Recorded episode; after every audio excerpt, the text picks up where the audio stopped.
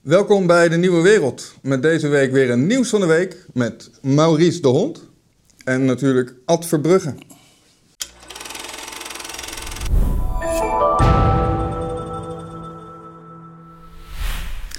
Ja, heren, er was een hoop nieuws deze week eh, voor mijn gevoel. Ehm, wat hebben jullie meegenomen voor ons? Nou, ik, ehm, ja, het belangrijkste nieuws, echt eigenlijk, waar ik dan niet bij betrokken ben, is de provinciale statenverkiezing die over een paar dagen zal plaatsvinden. Omdat die een, ja, te verwachten een hele grote impact zal hebben op de politieke situatie in Nederland. Daar zou ik graag wat over willen zeggen. Helemaal goed. En Ad? Ja, eh, er is de laatste week nog wat ophef geweest uh, over uh, de Engelse minister van Volksgezondheid, Matt Hancock. Uh, wiens ja, WhatsApp-berichten naar buiten zijn gekomen in de periode ook dat hij minister was. En, en heel, heel het corona eigenlijk beleid mede zelf heeft ingericht en ook de communicatie daarover. dat is door een, een journaliste, Isabel Oakshot.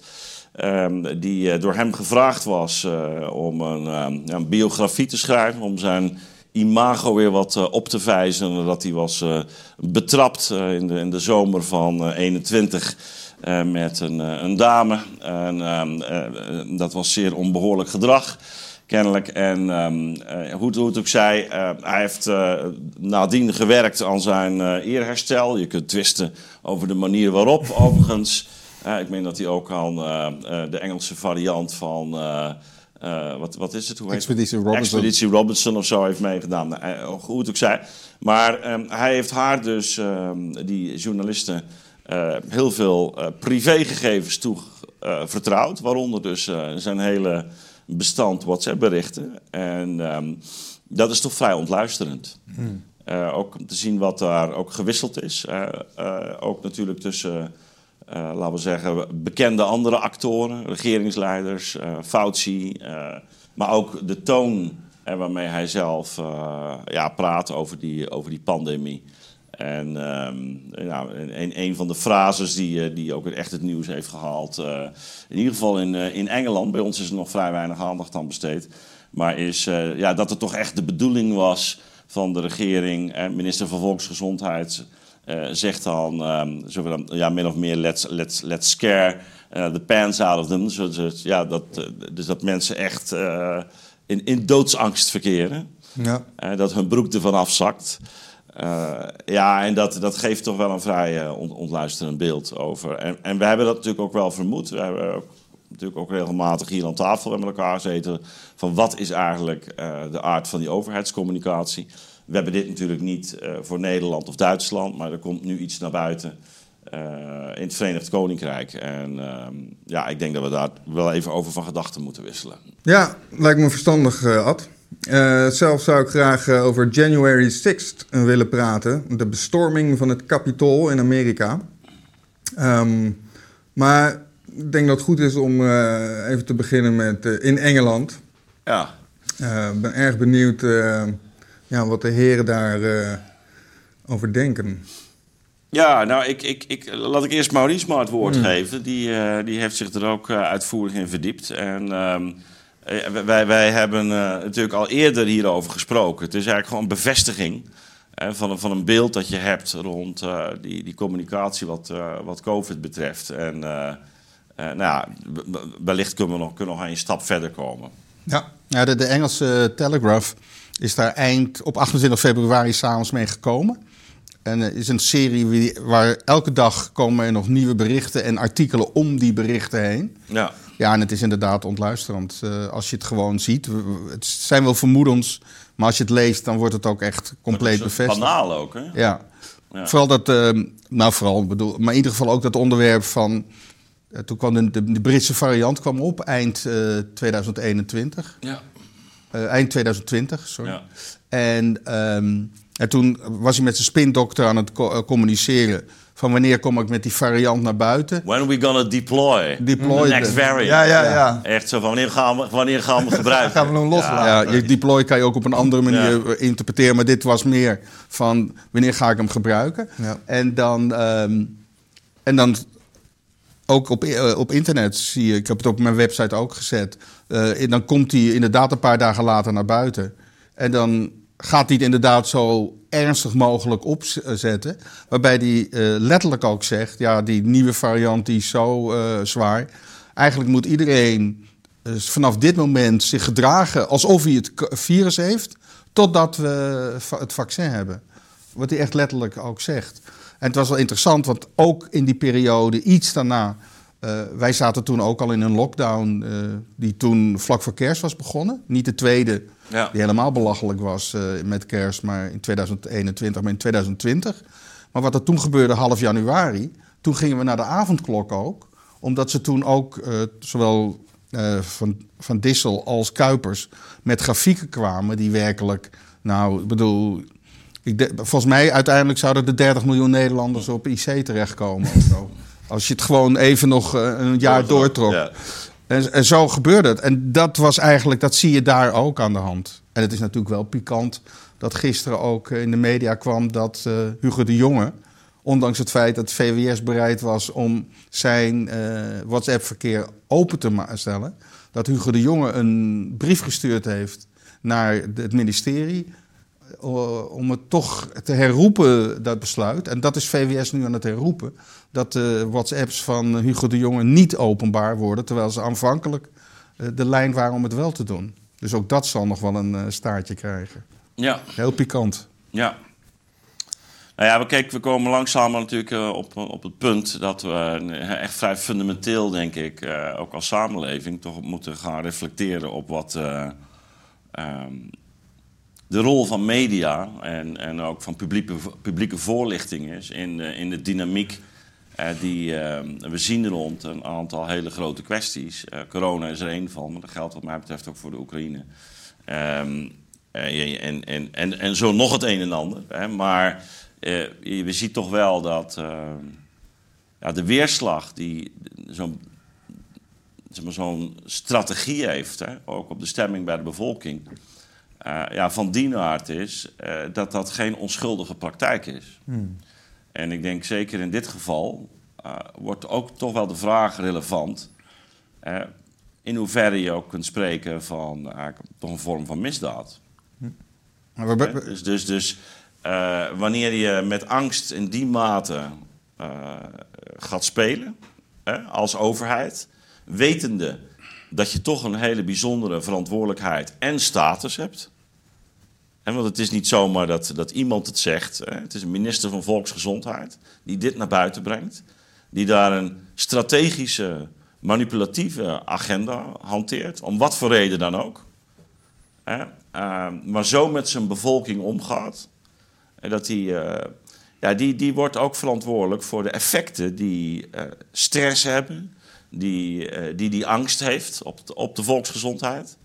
Er zijn uh, mensen die zelfmoord hebben gepleegd. Uh, er zijn mensen die uh, allerlei kwalen hebben opgelopen als gevolg van een enorme stress. Ik heb het bij mijn eigen zus gezien in het, voor, het voorjaar van, van 20. Hmm. die is gelukkig op een gegeven moment wel wakker geworden. mede door kanalen zoals de onze.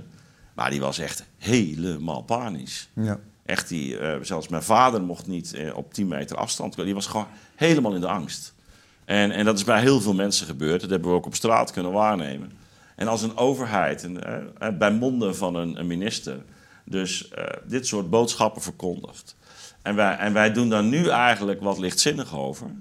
Uh, ja, dan nemen we denk ik niet serieus wat de taak is van, van een overheid. Dat ze ook een grondwettelijke taak heeft om natuurlijk uh, de, de bevolking ook uh, te beschermen. En ook in, van fundamentele rechten te verzekeren. En, en ja, dit vind ik echt een staaltje.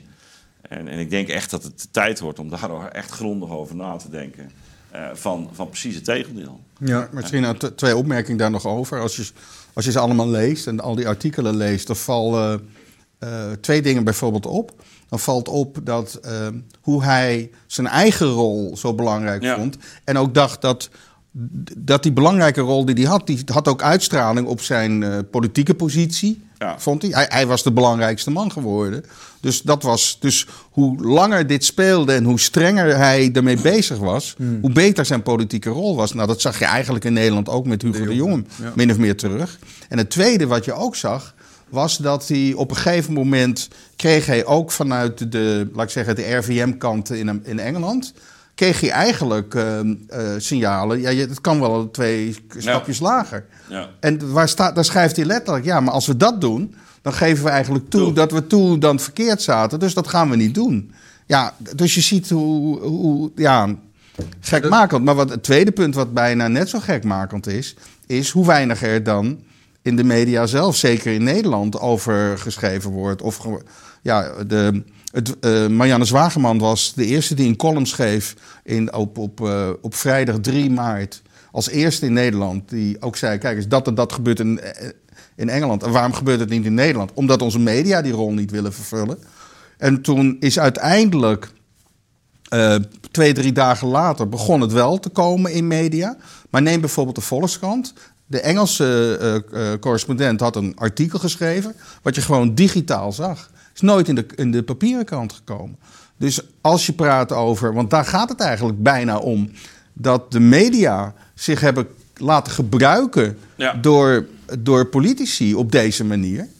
En dan, waar, waar moet het dus primair nu komen, het gesprek van eh, ja, in de spiegel kijken door de media? En Ja. dat is wat er dus tegengehouden wordt bijna, omdat het nieuws ook, ook hier of niet naar buiten komt, zelfs in Nederland, of heel erg gedownplayed wordt. Is dat, is dat niet het, de, hetzelfde mechanisme als je bij zo'n politicus ziet die dus zegt van... eh, als we er nu gaan toegeven, dan hebben we het al die tijd fout gedaan. En dat de media misschien ook denkt, als we nu ineens kritisch worden... worden we eigenlijk ook kritisch op onze eigen rol. Ja, nee, dat is precies wat de kern is. Maar het interessante is, als je de media voor 2020 keek, dan waren ze vaak heel kritisch. En vaak zelfs op onderwerpen die, waar ik ze kende, dacht ik nou zelfs te kritisch. Maar als lezer genoot je ervan als je het onderwerp niet wist. Want ja, dat, dat, dat, was altijd wel een vorm van een relletje waarvan je dacht, nou toch, er zal wel iets eh, waar van zijn. Maar wat er toen gebeurde was dat ze vanaf eh, maart 2020 ja, gewoon de, de, het kanaal van de overheid werden. En totaal niet kritisch waren. En nu, door nu kritisch, de, de- nu steeds meer naar buiten komt in veel meer landen. Doordat, als ze daar wel over zouden schrijven, dan moeten ze onmiddellijk in de spiegel kijken. Nou, wat bleek? Er was een podcast van de Volkskrant een paar dagen geleden. Met eh, de hoofdredacteur en Keulemans. En die had het over een aantal.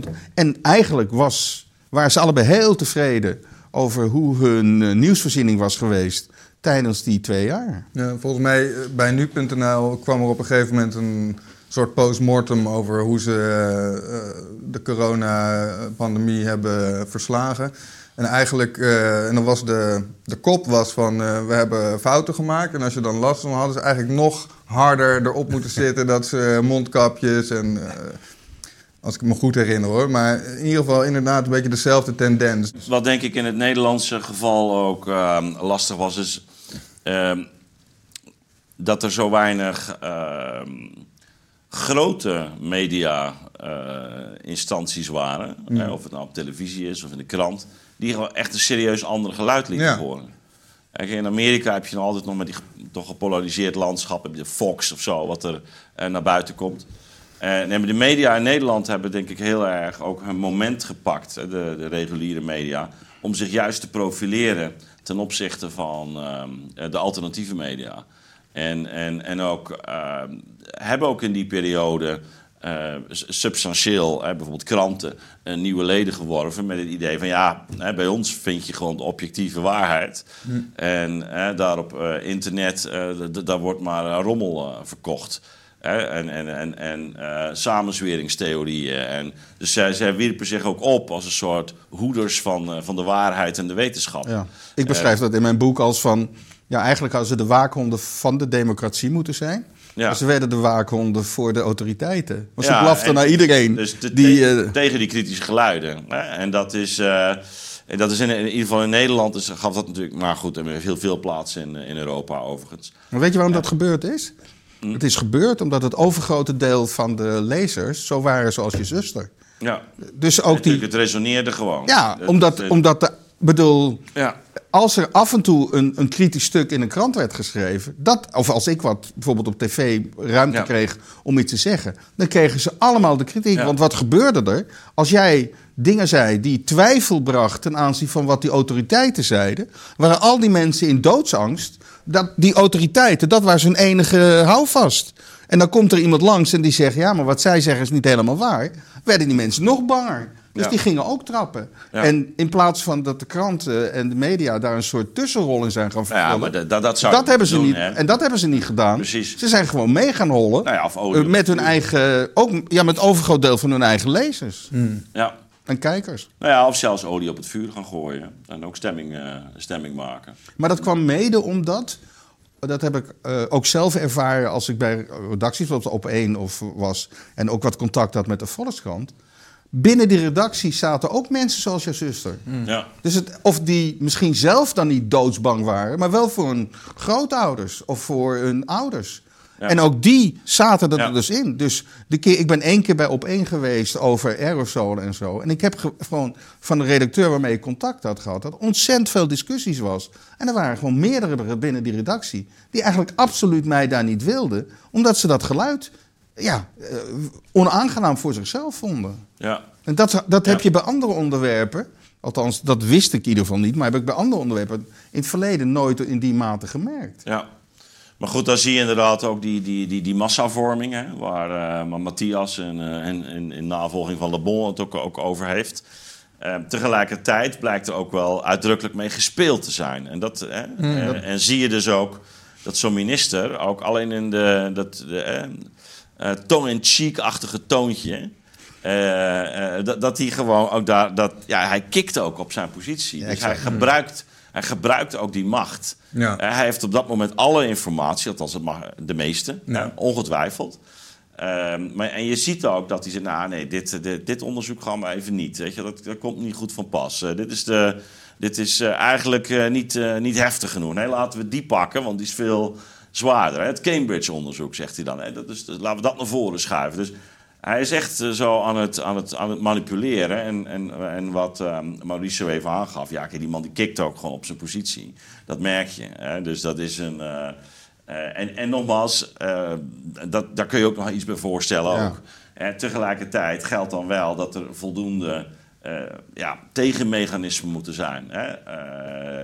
De andere leden van het kabinet, topambtenaren, die toch iemand een klein beetje op zijn plaats zetten. Maar hij kan daar zo die solorol gaan spelen en een heel groot stempel drukken op dat beleid. En, eh, en dan zie je ook dat, dat ja, hij, hij genereert dus die, die, die, die stemming ook mede in Engeland op die manier.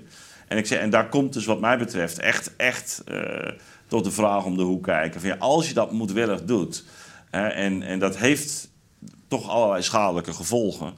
Ja, dan, dan moeten we toch met elkaar wel eens gaan nadenken van, van wat is dit? Ja. Weet je? En, en moet je hier niet toch ook waarborgen inbouwen? Eh, of, of kan dat überhaupt niet?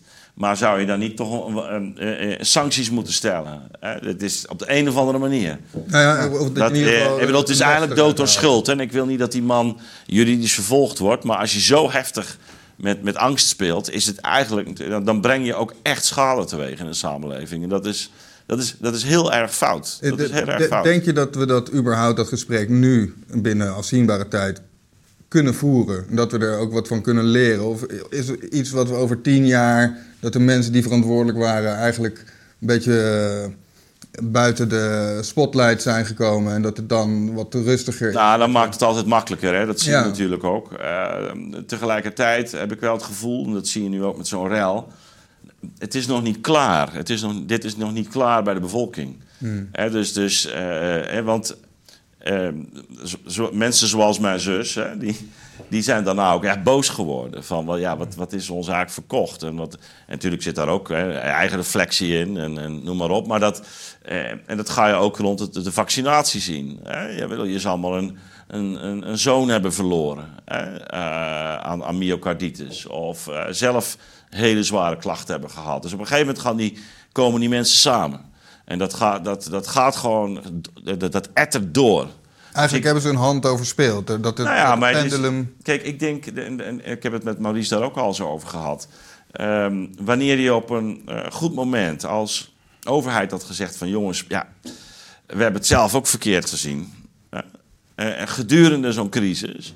En je zegt van ja, we hebben dit toch wat te zwaar opgenomen. Had iedereen we zijn nu, dan had iedereen gezegd, joh, ja, weet je, kan gebeuren. Maar precies het feit, en dat, en dat zagen we ook eh, bij, dat hebben we in Groningen bij de, bij uh, gezien. We zien het nu ook uh, rond, rond corona. Toeslagenaffaire trouwens ook. Ah, op het moment dat, dat duidelijk begint te worden dat er iets mis is, dat het gewoon niet klopt, en je gaat dan maar door omdat je je gezicht wil redden, omdat je niet als verantwoordelijke ja, toch naar buiten durft te komen en zeggen: Ik heb het bij het verkeerde eind gehad.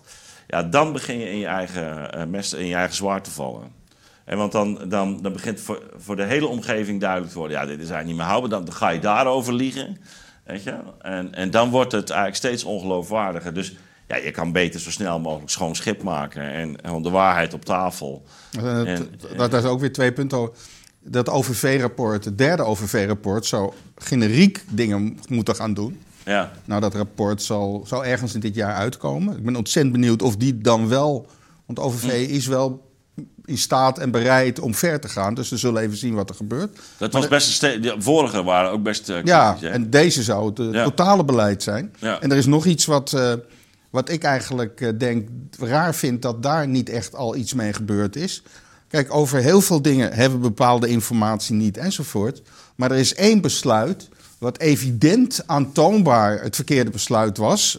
Heel erg onderbouwd. Zonder dat je al die Ja. eh, rapporten hebt. En dat is die laatste lockdown. laatste lockdown. Die was dus op 19 december 2021. Wij waren het enige land wat die lockdown heeft gedaan.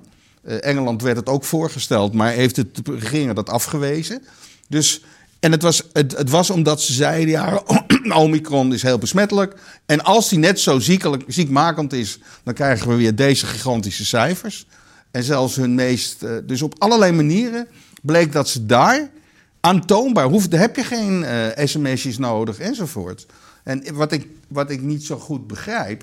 Ik kan me voorstellen dat als jij een bedrijf bent... wat zwaar schade heeft geleden door die laatste lockdown... Hè, want dat was toch vier, vijf weken eh, veel dicht... Ja, daar, daar is die zaak best van te maken. maar, maar, maar het gebeurt niet eh, op die manier. Het gebeurt niet ook dat media in ieder geval dat onderwerp eens een keer a- agenderen.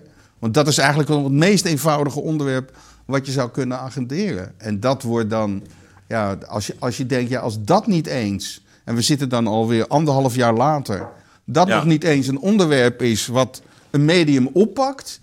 Waarom? Omdat ze er gewoon ook toen in meegegaan zijn. Ook toen heeft. Ja. En, en, Maar de- de- de- ik, vind wel, ik vind in die zin anders, Maurice. Eh, ik ben het wel met je eens hoor. Kijk, je kunt dan wel op een goed moment, ook als regering naar buiten komen, zeggen: Goh, we hebben ons vergist. Weet je wel. Eh, Ook bij, bij, die, bij die lockdown geldt denk ik echt, dat is, eh, dat is een zware overschatting van de problematiek. Ook, ook een beetje knullig, omdat je, er waren al allerlei aanwijzingen eh, dat het veel minder ernstig was. Hè. Dat is, eh, maar Ik kan zeggen, dat is, nog, eh, dat is nog een vergissing. Je had misschien al de eerste week van januari kunnen zeggen... joh, daar komt nou zoveel naar buiten, eh, nu stoppen we ermee. Eh, want het is de, de, de, dit weegt niet meer op tegen de schade die het teweeg brengt. Maar wat ik dus echt een verschil vind met die Engelse situatie... is dat je daar echt moedwillig Ja. besluit om de zaken ernstiger te, voor te stellen... bevolking bang te maken... Ja, en dat is eigenlijk dat is, dat is, dat is echt misdaad. Eh, dat, dat mag niet. Dat mag gewoon echt niet. Dat werd dan nudging genoemd. Hè? Dat, eh, Ja, maar dit is geen nudging. Ja, dit, is, dit, is, dit is echt eh, ja, angst. In, dan, dan onderschat je de gevolgen van angst. Ja, angst, is, angst is een eh, oeremotie die eh, eh, enorme effecten heeft op het lichaam, traumatische gevolgen kan hebben. Ehm daar mag je niet op die manier eh, mee, mee, omgaan. Tenzij het echt evidente reden is. Ja? Ik bedoel, als de ebola door, door de stad giert, ja, dan mag je mensen wel even op het hart drukken eh, dat ze binnen moeten blijven. Maar in dit geval is het eh, echt, echt En, en er was in die WhatsApps eh, was er ook eentje van Johnson naar hem toe. Die ging over de lage IFR bij de jongere groepen. ja, ja, precies. Dat is ook zo. Dat wisten ze gewoon. ja. Dus, dus, en, en dat werd echt allemaal terzijde geschoven. Dus ook dat die, dat die jongeren eigenlijk nagenoeg geen risico liepen. En ja, dit is dus, ja, nogmaals, eh, dit is een kwestie van, van de grondwet. En Maar ja, de sleutel, in Nederland zal een beetje liggen in het feit... de sleutelvraag of die eh, appjes van eh, Hugo de Jonge wel openkomen of niet. Het is daar een WOP eh, over geweest? Nee, dat, ja, er was een WOP geweest en de VWS heeft daar positief op gereageerd. Heeft dus ook, wat, wat altijd gebeurt, dat mensen al aangeschreven zijn... wij zijn voornemens om dit en dit naar buiten te brengen. En dan mag je nog bezwaar aantekenen als dat iets van jou is. En meerdere hebben gezegd prima, prima. En op het laatste moment is er een brief gekomen van, eh, van Hugo de Jonge... van zijn af zijn ministerie dat het om meerdere redenen toch niet verstandig is om te doen... omdat het iets, eh, een precedent zou scheppen. En die brief was eh, juridisch onderbouwd door zijn, secreta- door zijn secretaris-generaal van zijn nieuwe... van zijn nieuwe ministerie. ministerie. Ik geloof dat hij bij Binnenlandse Zaken zit. Ja. Dus ook, dus, en dus heeft VWS alsnog besloten Ja, om... volkshuisvesting moet hij nu, hè? Ja, maar, maar die zit volgens Ja, mij is ondergebracht zit, is bij. hier daaronder. Maar goed, dat, dat zal, ja, dan duurt het nog een jaar of anderhalf jaar. En dan is de vraag of de rechter, hoe die dan weer uitspreekt over deze WhatsApp. Terwijl hij zijn eigen appjes rondom eh, de Siewert van Linden deal wel naar buiten heeft gebracht toen. Omdat dat Ja. in zijn belang was. Ja, nou ja, goed, we weten het gewoon niet eh, wat, wat, daar, wat daar speelt. Nee. Eh, eh, maar in Engeland was het in ieder geval tamelijk eh, Ja. eh, ontluisterend. Ja. Laten we naar het eh, volgende onderwerp gaan, eh, heren. Ik weet niet of jullie eh, de bestorming van het Capitool een beetje gevolgd hadden destijds. Ja, zeker. Ja. Live ook. Ja. Ja. Wist je toch ook al bij live dat er een historische eh, gebeurtenis was? Ja, ja de, de, de wel of niet oproep van Trump om eh er naartoe te gaan. Vond overigens eh, toen eh, Elon Musk zijn Twitter weer eh, ja, in oude glorie herstelde. Waren zijn laatste tweets ook eigenlijk het afraden van nou ja, aan die bestorming mee te doen. Ehm, maar er zijn natuurlijk er zijn doden gevallen. Het was veel geweld. Ehm, nu kwam Tucker Carlson laatst met een video, onder andere met die eh, shamaan, die man die met, dat, eh, met die toy en eh, Oud marinier. oud marinier, die eh, inderdaad eh, volgens de beelden van, die op Fox News getoond werden, werd hij eigenlijk een soort, kreeg hij een soort rondleiding van de politie. Ehm moet erbij zeggen dat in de Fox Show werd het ehm, ja, wel gebracht. Ze begonnen met het geweld. Ehm wij ze zeiden van er moet een nuancering komen. Ehm, het waren eigenlijk vooral mensen die daar gewoon rondliepen en ze hadden geprotesteerd. En ehm, het, het was eh meek, noemde hij het, vond ik een mooi woord. Ehm, de reactie, ook binnen de Republikeinen, je hebt de House en de, het se- de Senaat. Die, die twee kamers vormen het congres. En ehm, eh, iedere staat mag twee senatoren leveren. En dan de, in de House, daar weet jij waarschijnlijk meer van dan Dus ik. representatiever. Ja. En daar zitten ook meer populisten en dat is directer gekozen. De kiesmannen die eh, sturen de mensen naar Congress. Mm, Trump en populisten zijn volop aanwezig in de House. En een beetje de neocon, de rhino's, die zitten eh, eh, in, de, in de Senaat. En McConnell die zei direct, dit is helemaal niet hoe het gegaan is. En dat is dus een republikein. Terwijl de, de, de Trump-base direct zei: eh, Vindication, het is, eh, nu kun, kan iedereen zien dat het allemaal wel meeviel. Ehm, dus je, je ziet meteen een, eh, echt een, een tweestrijd ehm, binnen, een voortzetting van de cultuuroorlog ook binnen de politiek. Hoe hebben jullie dat een beetje eh, ervaren de- initieel hè, met de bestorming en hoe dat in de media kwam? En dan nu, ja, wat Fox ervan gemaakt heeft, eh, zeg maar.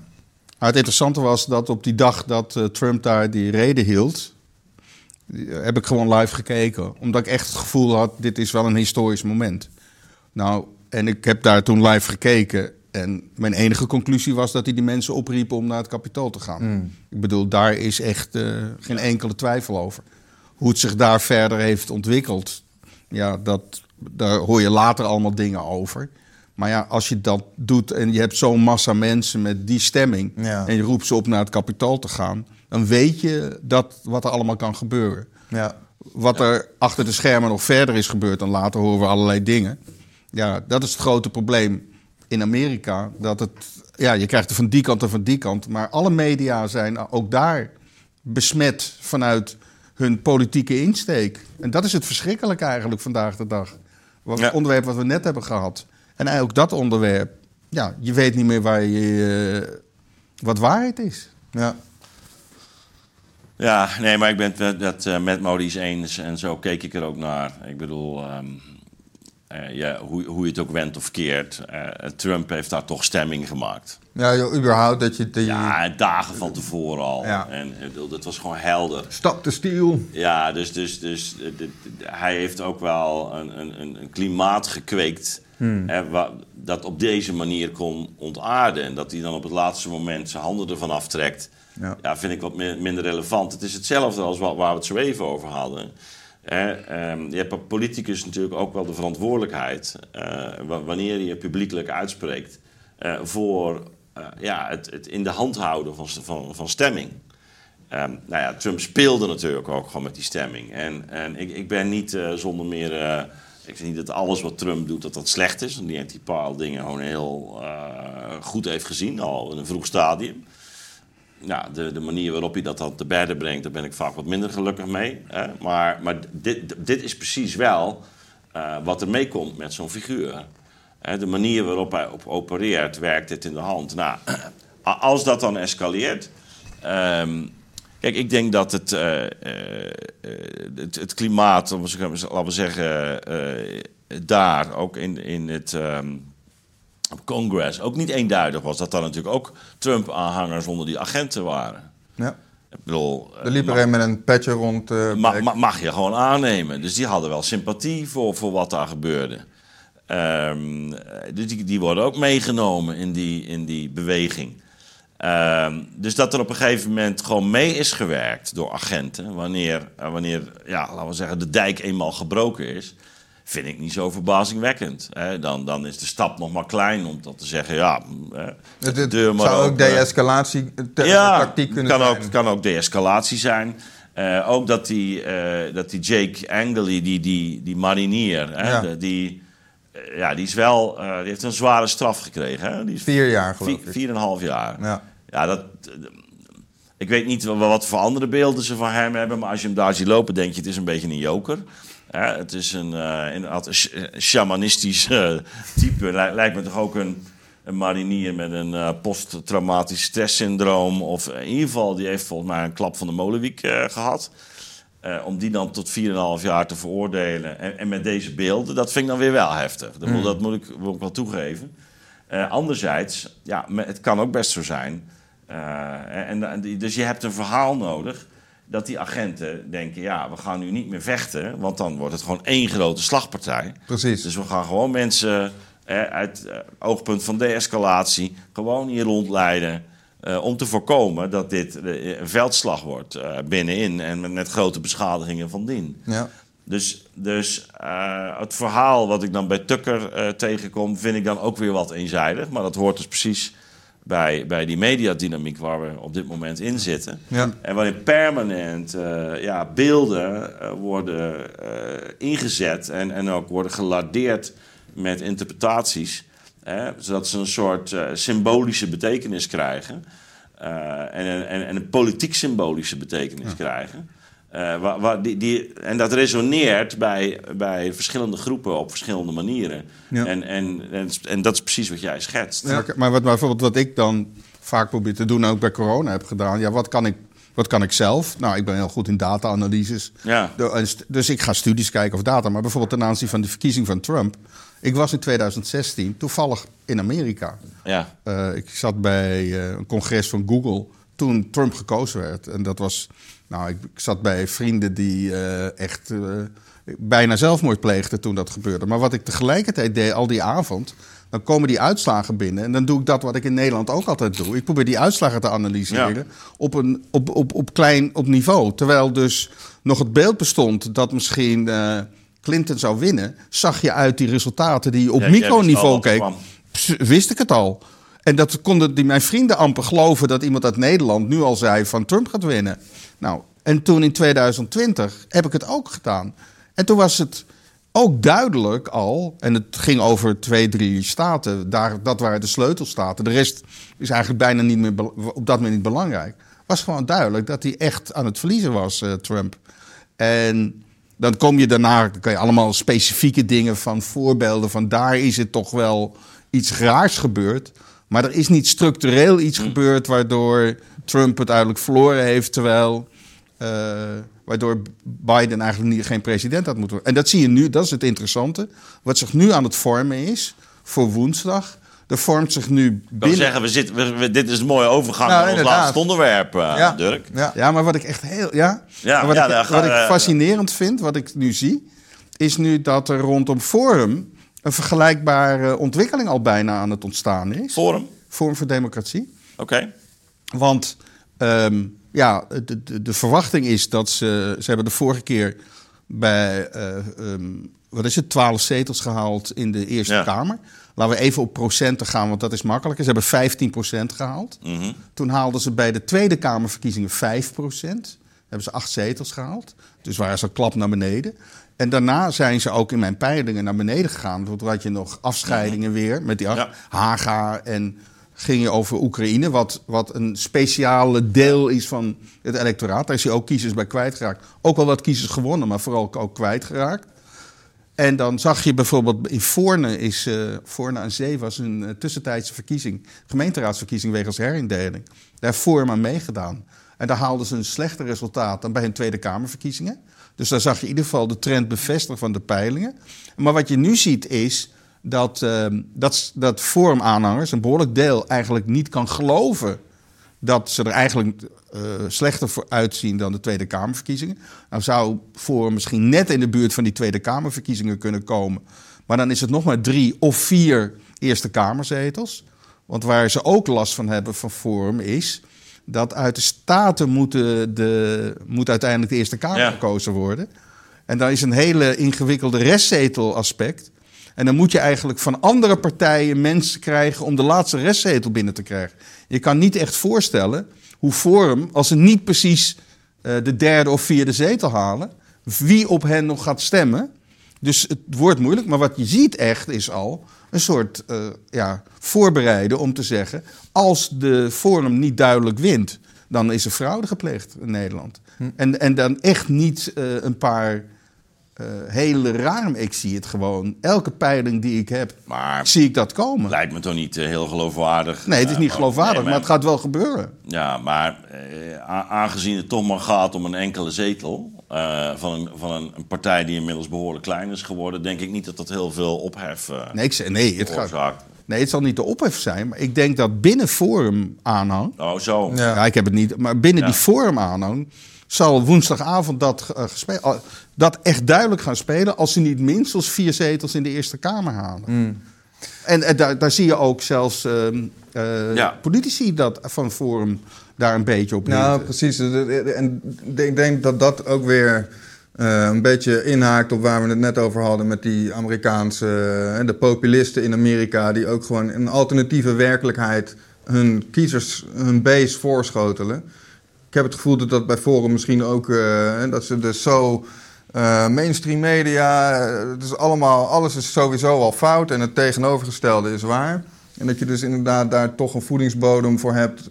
Dat Ja, waar ze eh, eh, gelijk in hebben, is natuurlijk dat hun eigen politici ten aanzien van de publieke omroep eh, amper verschijnen. Hmm. En dat, dat bedoel even, daar kan je allerlei vraagtekens achter zetten. Ik bedoel even los van Hmm. wat je van die partij vindt enzovoort.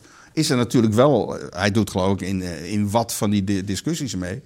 Maar ja, de vorige keer had hij wel twaalf zetels. Die zou dus een beetje kunnen voorstellen dat in ieder geval een, wat grotere rol heeft. Dus ze kunnen allerlei dingen aanwenden om te zeggen van er wordt vals spel gespeeld. Maar oké, dat mogen ze zeggen. Ik bedoel, dat is het verleden ook wel gebeurd, dat soort dingen, gezeggen. Maar ja, als ze gaan zeggen dat er in Nederland... eh, ik bedoel, dan is mijn punt. In Nederland, als je de, in de stembureaus... Iedereen mag in de stembureaus bij de telling zijn. Ja. Dus je kan, en en wat interessant, als ik analyses maak, kan ik bij stembureaus de uitslag bekijken. En dan zie je in alle stembureaus de trend terug. Ja. Dus als er echt ergens ingrijpend iets vervalst zou worden, ja. dan, dat, dat is je. gewoon, dan zie je dat. dat. Dat is gewoon. Ja. Dat is gewoon, zeker als je ook nog in die stembureaus bij bent en, en de, de telling en zo. Maar goed, eh, maar goed, als we praten over de uitslag van woensdag. Hij wordt natuurlijk, sowieso wordt het uiterst interessant. We krijgen nog eh, een paar debatten. eh, hè, dus vanavond eh, Ja. de, de, de debat met Jeroen Pauw.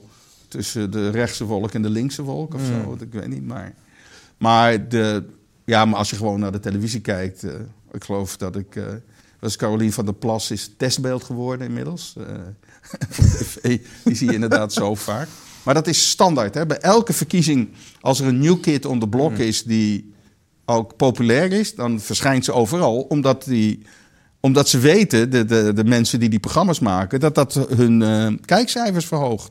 Omdat dat de populaire persoon is. Dus dat is ook nog iets wat zich aantrekt. En wat de sleutelvraag wordt, in, niet zozeer alleen in de komende dagen, maar vooral woensdag, alhoewel er al tussen mag al gestemd worden hè, vanaf morgen en maandag. Maar in sommige stembureaus kan dat eerder, gaan eerder open. Oké.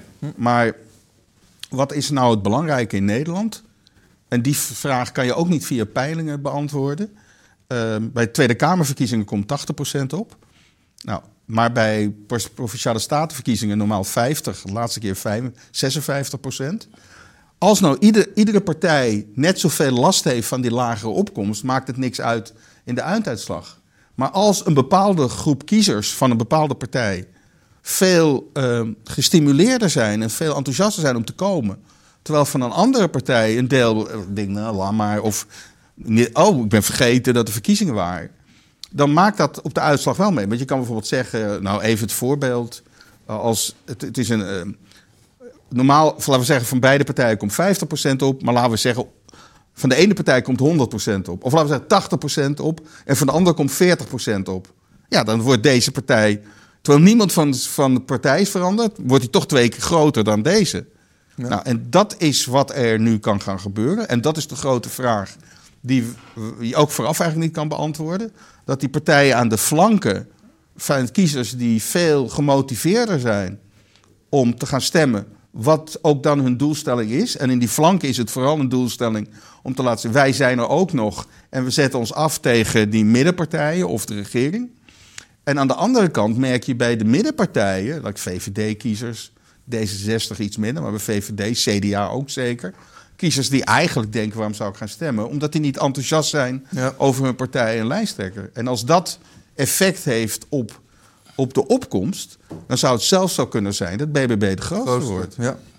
De- Denk je dat die dat BBB, als ik in de trein zit of eh, ik rij, eh, zodra je in een weiland tegenkomt, zie je eh, de enorme spandoeken van BBB kom je tegen, ook, ook in de Randstad.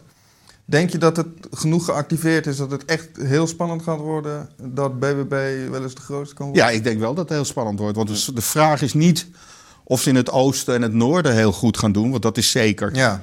En zelfs als ze daar 5% beter doen, dan is het op het totaaluitslag maakt het nog niet zoveel uit. De sleutelvraag zal zijn hoeveel mensen in het westen gaan stemmen op eh, BBB.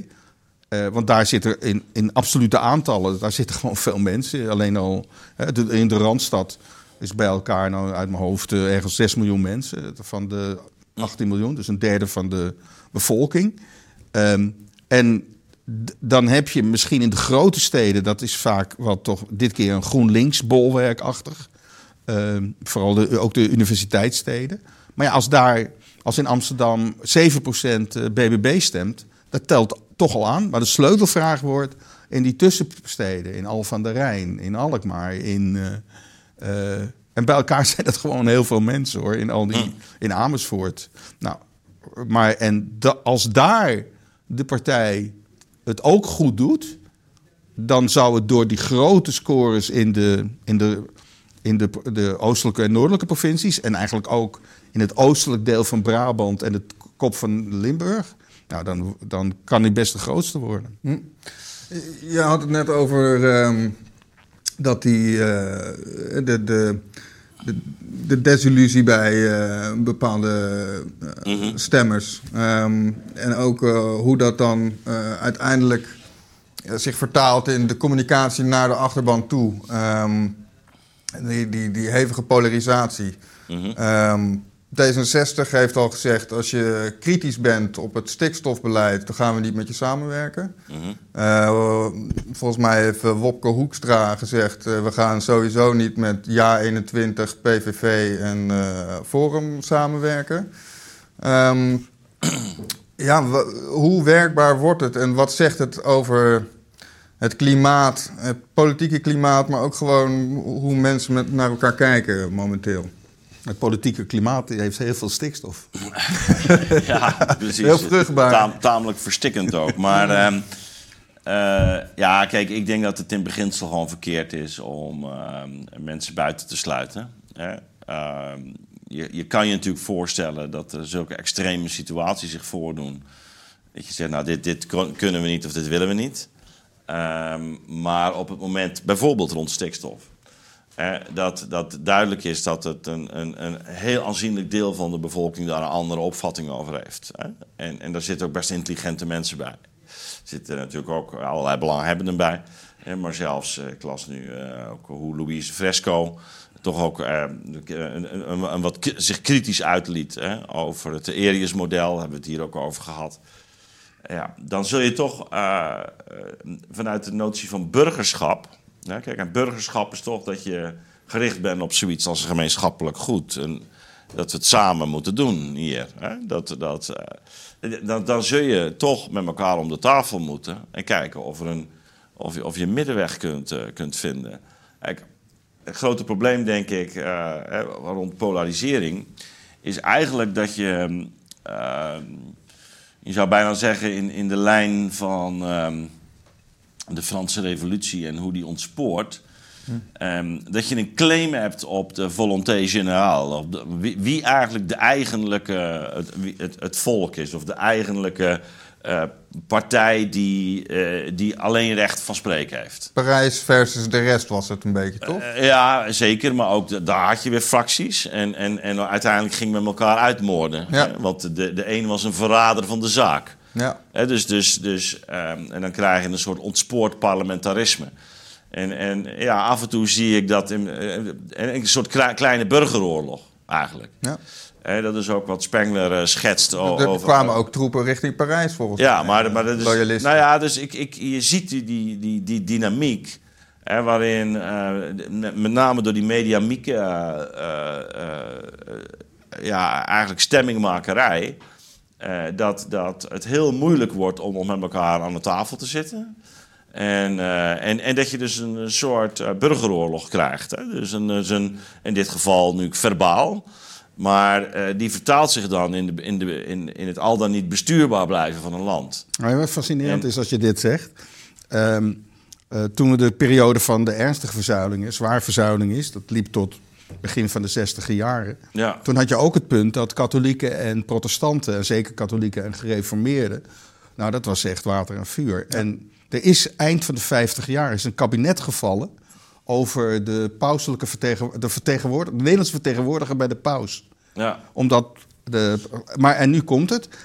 Als je gewoon kijkt, we hebben, we, we hebben het ja, ontzuiling. Maar eigenlijk beginnen we Ja, nu een situatie herzuilen. te We krijgen- her- Dus herzuilen, maar dan op, niet meer op de traditionele religies, maar op de religie van het klimaat en de religie. Ik bedoel, Ja, en- we hebben nieuwe religies en we gaan precies zo weer bezig zijn als Ja. tijdens de.